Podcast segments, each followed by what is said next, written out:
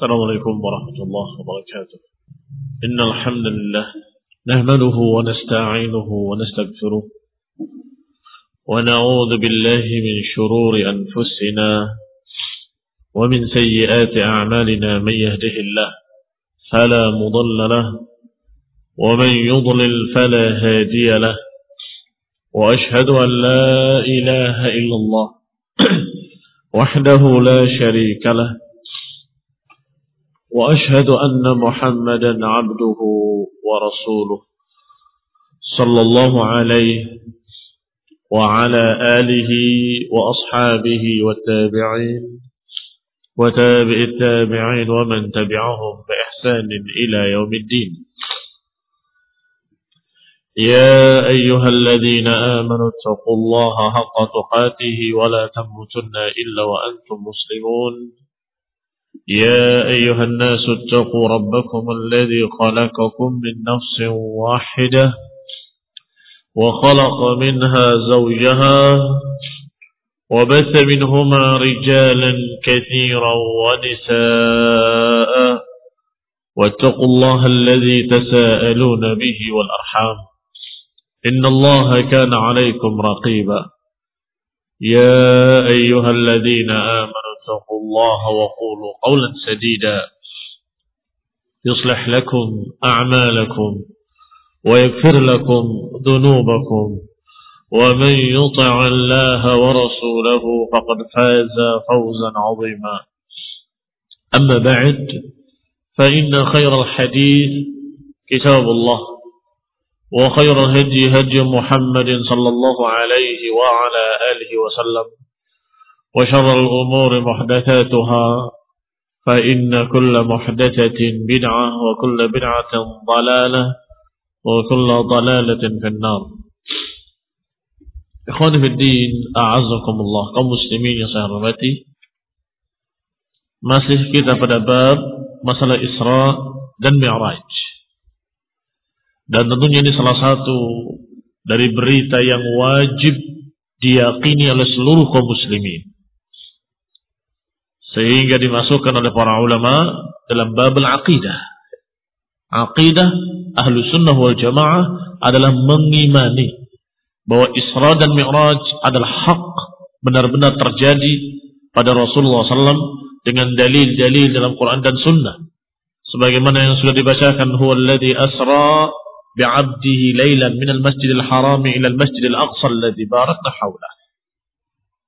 Maksudnya Allah yang telah mengisrakan hambanya dari masjidil haram ke masjidil aqsa. Dan juga berita dalam hadis yang sudah dibacakan kemarin, hadis yang panjang mengisahkan secara detail Isra'nya Rasulullah SAW dan Mi'rajnya ke langit sampai ke Sidratul Muntaha dan diberikan oleh Allah Subhanahu wa taala kewajiban salat lima waktu. Adapun ikhtilaf para ulama ada yang menyatakan bahwa terjadi dua kali, bahkan ada yang menyatakan lebih dari dua kali. Ini sudah dijawab oleh Ibnu Qayyim rahimahullah. Mudah-mudahan masih ingat. Apa jawaban beliau? Ya ajaban li haula'il ladina za'amu annahu kana miraran. Duhai anehnya mereka-mereka yang berkata bahwa Isra Mi'raj terjadi berkali-kali. Apakah mereka berpendapat bahwa Allah Subhanahu wa taala mewajibkan salat lima waktu berkali-kali? Nah, ini ucapan Ibnu Qayyim rahimahullah. Padahal jelas diriwayatkan satu kali bahwasanya Allah Subhanahu wa taala mewajibkan salat lima waktu, amdaitu fardhati wa khafaftu an ibadi ila akhirih. Bahwa Allah Subhanahu wa taala telah memberikan kewajiban salat lima waktu. Allah telah meringankan bagi manusia, bagi kaum muslimin kewajiban mereka menjadi lima waktu dalam sehari semalam. Adapun ikhtilaf yang berikutnya dari para ulama adalah perbedaan tentang masalah apakah Rasulullah SAW melihat Rabbnya ketika itu, ketika Mi'raj, hal ra'a Rabbahu. Terjadi perselisihan di kalangan sahabat bahkan. Tetapi khonifidina azakumullah yang menyatakan melihat adalah melihat biqalbihi dengan hatinya. Yang menyatakan tidak melihat dengan bahasa barang siapa yang menyatakan Allah SAW melihat Rabbnya, maka dia telah berdusta. Yakni yang melihat dengan mata kepalanya. Sebab hadis yang jelas Rasulullah SAW menyatakan dengan kalimat nurun anna arah. Cahaya. Bagaimana aku bisa melihatnya? Dan memang disebutkan lain disebutkan hijabuhun nur. Hijab Allah Subhanahu wa taala yang menghalangi pandangan adalah cahaya. Enam. Yang kalau dibuka hijabnya niscaya akan terbakar seluruh apa yang dicapai penglihatannya. Dan ini tentunya menunjukkan bahwa Rasulullah SAW tidak melihat dengan mata kepalanya. Tetapi ra'a biqalbihi. Melihat dengan hatinya. Ikhwanilina azakumullah. Adapun apa yang disebutkan dalam Al-Quran. Thumma dana fatadalla. Thumma dana fatadalla. Ini masalah lain. Bukan tentang Allah Subhanahu wa taala, tetapi tentang Jibril. Di sini ada catatan penting, kalimat yang sama dalam Quran dan hadis ternyata kisahnya berbeda. Di dalam Al-Quran disebutkan dalam surat An-Najm, ثم دنا فتدلى فكان قاب قوسين أو أدنى ثم دنا فتدلى dana adalah mendekat kemudian mendekat fahuwa ghairu dunu wa tadallil madhkuraini fi qissatil Isra. Kalimat dunu dan kalimat tadalli di dalam surat An-Najm bukan kalimat dana dan kalimat tadalli di dalam hadis Isra. Hati-hati. Walaupun sama kalimatnya summa dana fatadalla. Dalam ayat ada, dalam hadis ada. Ternyata dalam ayat dan dalam hadis berbeda. Lihat di sini.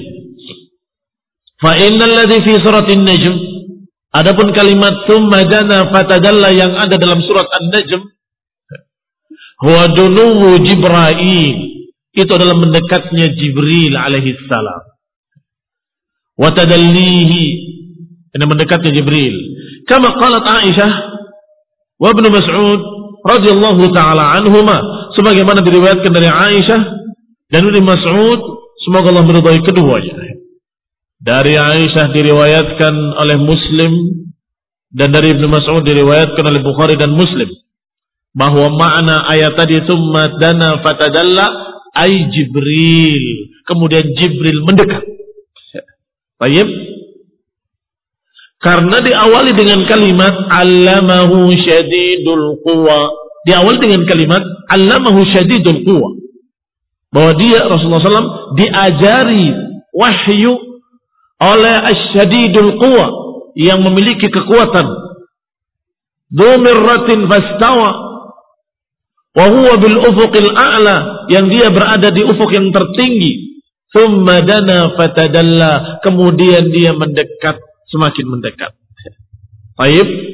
Fadhamair kulluha raji'atun ila hadzal muallim asyadid al-qawi maka domir-domir tadi semuanya, kata ganti-kata ganti tadi semuanya kembalinya kepada al-muallim asyadid al-qawi. Yang mengajarkan wahyu, yang syadid, yang kokoh, dan memiliki kekuatan. Siapa itu? Siapa yang menyampaikan wahyu kepada Rasulullah SAW? Jibril. Allamahu syadidul quwa. Maka domir berikutnya, ratin fastawa. Siapa? Jibril. Wahuwa bil ufuqil a'la siapa? Jibril. Thumma dana fatadalla. Kemudian mendekat. Siapa? Jibril. Fakana qaba qausaini au adna. Hampir sangat dekatnya sejarak dua panah atau dua lembaran panah atau lebih dekat lagi. Apalagi disebutkan di dalam ayat itu, "Tsumma ra'ahu nazlatan ukhra." Ra'ahu nazratan ukhra maknanya melihat sekali lagi. Kalau yang dimaksud melihat Allah tidak dua kali. Belum pernah Isra Mi'raj kecuali saat itu, iya kan? Tetapi di alam ayat ini nazlatan ukhra dia melihat yang kedua kalinya. Nazlatan ukhra artinya sekali lagi. Berarti pernah melihat sebelumnya. Ini juga menunjukkan sebagai qarinah bahwa yang dimaksud adalah melihat Jibril alaihi salam karena pernah melihat di dunia dalam bentuk aslinya. Sering Jibril datang tapi tidak dalam bentuk aslinya. Adapun dalam bentuk aslinya Rasulullah SAW melihat sekali di dunia. Dan kemudian melihat Jibril sekali lagi. Nazlatan ukhra. Inda sidratil muntaha. Melihat sekali lagi di sidratil muntaha. Ini melihat Jibril alaihi salam. Amad dunu wa tadallil ladhi fi hadis al-Isra adapun mendekatnya kalimat dunud dan kalimat tadalli dalam hadis Isra tadi kan dalam ayat. Adapun dalam hadis yang mengisahkan tentang Isra dan Mi'raj fadzalika sarihun bi annahu dunur rabbi. Maka itu sangat jelas sekali yang dimaksud adalah mendekatnya Allah Rabbuna jalla jalaluh Rabbuna Rabbul alamin wa tadallihi. Wa amma alladhi fi suratin najm adapun yang ada dalam surat an-najm annahu ra'ahu nazlatan ukhra bahwa beliau oleh salatu wassalam melihat sekali lagi inda sidratil muntaha di sidratil muntaha fahadha huwa jibril. Ra'ahu marratain. Rasulullah SAW sudah pernah melihat Jibril dua kali. Marratan fil ardi sekali di bumi Wa maratan inda muntaha. Dan yang sekali lagi adalah di sidratil muntaha. Sidratil muntaha adalah langit yang tertinggi. Wa mimma yadullu ala anna al-isra bijazazihi fil yaqdah. Adapun perkara berikutnya sudah dibahas masalah perselisihan apakah sekali atau lebih dari sekali. Ternyata yang rajih sekali. Juga sudah dibahas ikhtilaf Apakah dalam keadaan dia melihat robnya atau tidak melihat robnya?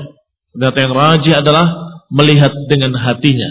Adapun dengan mata kepalanya tidak. Beliau menjawab nurun anna arahu cahaya. Bagaimana aku bisa melihatnya? Baik. Yang ketiga permasalahan, apakah Isra dan Mi'raj dengan jasadnya atau rohnya saja? Adapun para aklaniyun Orang-orang yang sangat mendewakan akal, mereka menyatakan mustahil kalau jasadnya. Nanti begini, nanti begitu, dibahas oleh mereka. Yang katanya gak masuk akal. Kalaupun ada perjalanan yang cepat secepat kilat, tapi apakah jasad mampu? Baru kecepatan sekian saja akan begini mukanya, akan begitu mukanya. Dibahas secara ilmiah oleh mereka. Mustahilnya jasad berjalan dengan cepat secepat itu. Mereka melupakan kekuasaan Allah Subhanahu wa taala. Mereka melupakan bahwa Allah ala kulli syai'in qadir. Baik. Maka kita tidak bahas dari sisi itu, tetapi membahas dari sisi riwayat dan ayat bahwa ayat Allah Subhanahu wa taala menyebutkan dengan tegas abdihi hambanya dan hambanya yang disebut hamba adalah roh dan jasadnya. Iya kan? Kalau rohnya saja tidak disebut manusia. Atau kalau jasadnya saja tanpa roh, nggak disebut manusia. Disebut onggokan daging, bangkai dan seterusnya. Tapi kalau ada rohnya, ada jasadnya, baru dia manusia. Allah Subhanahu wa taala berfirman, "Subhanalladzi asra bi'abdihi." Dialah Allah yang maha suci yang mengisrakan abdihi, yang mengisrakan hambanya lailan di malam itu minal masjidil haram ila masjidil aqsa dari masjidil haram ke masjidil aqsa. Ini mimma yadullu ala anna al-isra bi jasadihi fil yaqdah dikatakan oleh Syekh Asy-Syari rahimahullah Ibnu Abdul Aziz Al-Hanafi bahwasanya yang menunjukkan Isra'nya Nabi adalah dengan jasadnya bukan hanya mimpi bukan hanya dibayangkan. Tetapi benar-benar dengan jasadnya apa yang mendukungnya? Mendukungnya adalah ayat Allah Subhanahu wa taala subhanalladzi asra bi 'abdihi. Wal 'abdu ibaratun an majmu' al-jasad war ruh. Dan yang namanya al-'abd, yang namanya seorang hamba, seorang manusia, itu adalah majmu' ibaratun an majmu' ungkapan tentang bergabungnya al-jasad war ruh Kalau bergabung al-jasad ruh, maka itulah al-abdu. Kalau daging saja tanpa ruh, tidak dikatakan al-abdu. Demikian pula ruh tanpa jasad tidak dikatakan al-abd. Kama anna al-insan ismun li majmu'il jasadi ruh. Sebagaimana manusia disebut manusia kalau bergabung padanya ruh dan jasad. Hadha huwal ma'ruf 'inda al-itlaq dan inilah yang ma'ruf yang dikenal oleh ahli-ahli bahasa indal itlaq. Kalau disebutkan secara mutlak hamba atau manusia atau insan maka mesti yang dimaksud adalah jasad dan rohnya bersama-sama. Wahuwa sahih dan itu yang benar. Itu yang benar. Fayakunul isra bihadal majmu' Maka kalau Allah katakan Allah mengisrakan hambanya, berarti Allah mengisrakan hambanya yang terkumpul padanya jasad dan rohnya. Wala yamtani' dzalika aqlan dan itu tidak bertentangan dengan akal. Tidak bertentangan dengan akal. Dan mereka-mereka menyatakan itu bertentangan dengan akal, mustahil, tidak mungkin dan sebagainya, maka mereka dalam keadaan tidak mengingat kekuasaan Allah Subhanahu wa taala, wa huwa ala kulli syai'in qadir. Dan Allah atas segala sesuatu maha kuasa, maha bisa. Mau dijadikan hambanya kuat, mau dijadikan hambanya untuk diisrakan, dimirajkan dengan kekuasaan Allah bisa. Walau jaza istib'adu su'udil bashar lajaz istib'adu nuzulil malaikah. Kalau boleh menganggap tidak mungkinnya manusia mi'raj ke langit, maka berarti boleh pula mengatakan tidak mungkinnya malaikat turun ke dunia. Ya Pak ya. Malaikat juga makhluk. Sebagaimana manusia juga makhluk. Kalau dikatakan manusia tidak mungkin naik ke langit, Mi'raj, maka bisa pula dikatakan berarti malaikat juga tidak mungkin turun ke bumi. Wadhalika yuaddi ila inkar nubuwah dan itu berarti mengingkari kenabian Rasulullah SAW yang diberi wahyu oleh Jibril min fawqi sab'i samawat yang diberi wahyu oleh Jibril alaihi salam dari langit yang tertinggi dari Allah taala diturunkan sampai kepada Rasulullah SAW. Kalau mengingkari turunnya malaikat, Berarti mengingkari kenabian Nabi Muhammad SAW. Wahuwa kufrun. Dan itu kekafiran. Ikhwan bin a'azallahu kaum muslimin sarmati. Dikatakan fa'in qila kalau ada yang berkata famal hikmah fil isra'i ila baitul maqdis awalan. Kalau ada yang tanya, terus apa hikmahnya? Allah mi'rajkan, Allah isra'kan Eh, Rasulullah SAW ke Baitul Maqdis. Apa hikmahnya? Kalau memang mau diberi kewajiban sholat, langsung saja ke langit. Nggak perlu pakai ke Baitul Maqdis. Langsung dari Mekah atau Madinah, langsung ke langit. Kenapa harus mampir ke Baitul Maqdis dulu? Kalau ada yang tanya seperti itu, fal jawab, maka jawabannya wallahu alam, anna dzalika kana idharan li sidqi da'war rasul. Di antara hikmahnya adalah bahwa yang demikian sebagai izharan untuk menunjukkan lisidqi da'watir rasul untuk menunjukkan kebenaran pengakuan Rasulullah Shallallahu Alaihi Wasallam untuk membuktikan benarnya ucapan Rasulullah Shallallahu Alaihi Wasallam tentang Mi'raj. Hina sa'alathu Quraisy. Karena ketika diisrakan ke Baitul Maqdis, Quraisy bertanya, Sa'alathu Quraisyun an na'ti Baitul Maqdis. Quraisy bertanya tentang sifat-sifat ciri-ciri Baitul Maqdis. Kayak apa? Kalau kamu memang benar-benar ke Baitul Maqdis, ceritakan kepada kami. Kayak apa Baitul Maqdis? Ditanya oleh Quraisy tentang apa yang dilihat di Baitul Maqdis. Kamu ke sana? Iya. Tapi gimana bentuknya? Berapa tiangnya? Bagaimana ininya? Bagaimana itunya? Ditanya sekian pertanyaan-pertanyaan yang sungguh kalau saja kita benar-benar ke Betul Maqdis nggak akan bisa menceritakan dengan detail. Iya kan? Kalau saja kita benar-benar ke sana, terus ditanya, kayak apa bentuknya? Seperti apa? Ini berapa? Pintunya bagaimana? Gak akan kita bisa ngapalkan seluruhnya. Tapi Rasulullah SAW diberi oleh Allah Subhanahu Wa Taala, diberi oleh Allah Taala kemudahan dalam masalah itu. Sehingga dijawab dengan detail fana'atahu lahum maka disifatkan kepada mereka dengan rinci Bahkan akhbarahum an irihim. Bahkan bukan hanya mengkhabarkan kayak apa bentuk Baitul Maqdis. Digambarkan pula oleh Rasulullah SAW tentang pasukan dagang atau kafilah dagang mereka. Orang-orang Quraisy yang sedang berjalan dari Baitul Maqdis ke Madinah, eh, ke Mekah. Kayak apa, berapa orang, seperti apa, unta yang terdepan, unta yang kayak apa. Disifati dengan rinci oleh Rasulullah SAW. Bahwa kafilah dagang kalian sudah mencapai daerah Anu. Sebutkan daerahnya. Unta yang terdepan berwarna abu-abu dan ada belang hitamnya. Dan dia begini, dia begitu. Dan akan datang nanti bersama terbitnya fajar. Ternyata persis seperti yang mereka telah ketahui, Betul Maqdis seperti itu. Seperti digambarkan oleh Rasulullah SAW. Tinggal satu.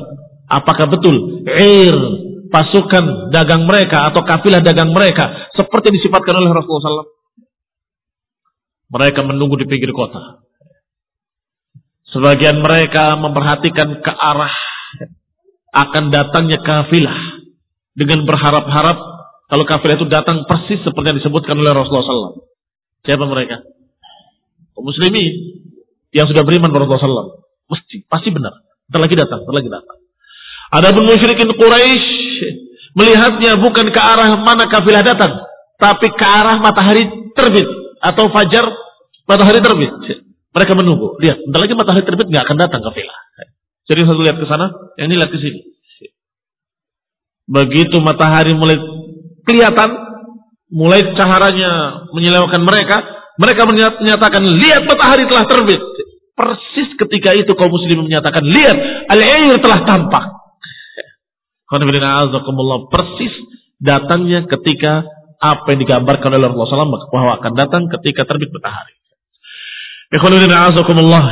Ketika semakin mendekat semakin mendekat Ternyata mereka membuktikan kebenaran ucapan Rasulullah SAW. Unta yang terdepan adalah unta yang abu-abu. Dalam keadaan memiliki belang hitam. Persis seperti digambarkan oleh Rasulullah SAW dengan detail, dengan rinci. Kalaupun kita naik pesawat tercepat. Balik lagi bisa nggak lihat kafilah? Hah? Gak akan bisa. Tetapi karena ini adalah kekuasaan Allah SWT dan mujizat yang Allah berikan kepada Rasulullah SAW. Maka Rasulullah SAW melihat di perjalanan siapa-siapa yang berjalan, sukunya, bangsanya, orang-orangnya, siapa-siapa, berapa orang, dan untanya seperti apa, terlihat semuanya dengan detail. Maka ketika Isra ke Baitul Maqdis sudah diakui dan dipercaya, nggak perlu tanya lagi tentang ke langit. Mi'raj. Iya kan? Gak perlu tanya lagi tentang Mi'raj. Karena kalau ke Baitul Maqdis semalam sekejap mata saja bisa, ke mana saja berarti bisa. Berarti Allah Subhanahu wa taala punya kuasa. Bahwa Allah Subhanahu wa taala ala kulli syai'in qadir dan bisa mengisrakan hambanya. Maka Allah yang bisa mengisrakan hambanya dengan semalam, bahkan tidak sampai semalam. Dalam sekejap, maka niscaya Allah bisa memi'rajkan hambanya ke langit yang tertinggi. Ini hikmah Isra. Kalau Mi'raj saja, langsung dari Mekah ke langit dan kemudian turun membawa berita. Kewajiban salat lima waktu, selesai. Mau ngetes apanya kira-kira? Ya. Quraisy akan ngetes apa? Bintangnya berapa? Mereka sendiri nggak tahu bintangnya jumlahnya berapa. Ya. Di langit pertama ada apa? Orang musyrikin Quraisy juga nggak tahu. Di langit pertama ada apa? Kedua ada apa? Ketiga nggak tahu mereka. Gimana cara membuktikannya? Gak ada cara membuktikan. Tetapi sengaja Allah Subhanahu wa taala israkan dulu ke Baitul Maqdis, baru kemudian marahkan ke langit. Maka mereka bisa nguji dan ngetes kebenaran Rasulullah SAW. Taib, kalau engkau benar-benar ke Baitul Maqdis, bagaimana masjidnya? Coba sifatkan pada kami, gambarkan pada kami. Digambarkan dengan detail. Sampai setelah digambarkan dengan detail, masih ditanya lagi kafilah yang akan datang yang sekarang dalam perjalanan dari, dari Baitul Maqdis digambarkan pula oleh Rasulullah SAW dengan detail pula. Ini hikmah Isra sebelum Mi'raj. Allati marra 'alaiha fi tariqihi Walau kana urujuhu ila sama'i min Makkah lama hasala dhalik. Kalau saja urujuhu mi'rajnya Nabi ke langit itu langsung dari Mekah lama hasala dhalik. Enggak akan terjadi yang demikian. Enggak akan terjadi pengujian-pengujian dari musyrikin tadi. Idla yumkin ittila'uhu ala ma fis sama. Karena tidak mungkin menampakkan pada mereka tentang apa yang ada di langit. Karena mereka sendiri tidak tahu sehingga mereka tidak bisa mengatakan ya atau tidak. Nggak bisa membuktikan benar atau salah karena mereka tidak tahu pula apa yang ada di langit. Lalu akbarahum anhu kalau dikabarkan oleh Rasulullah SAW tentang langit mereka nggak tahu apakah benar atau salah. Wa ala baitil maqdis adapun baitul maqdis laqad tala'u sebagian besar mereka sudah pernah ke baitul maqdis sudah pernah ke Syam bahkan dagangnya orang-orang Quraisy adalah ke Syam dan ke Yaman. Li'ila fi Quraisyin. Ilafihim rihlat syita was-saif kata Allah. Dan karena kebiasaan orang-orang Quraisy yaitu safar, rihlah, rihlat syita was-saif. Rehlah di waktu syita, waktu musim hujan, waktu musim dingin, wasaif dan masuk musim panas. Syita'i ila Yaman, wasaifi ila Syam. Dalam tafsirnya disebutkan kebiasaan mereka berangkat safar di musim panas dan di musim dingin, di musim dingin ke Yaman dan di musim panas ke Syam. Sehingga mereka sangat tahu Syam itu seperti apa dan Betul Maqdis seperti apa. Sehingga mereka bisa menguji dan bisa bertanya, Hayib seperti apa Betul Maqdis dan mereka bisa membuktikan kebenaran ucapan Rasulullah sallallahu alaihi wa ala alihi wasallam. Fa akhbarahum bina'atihi.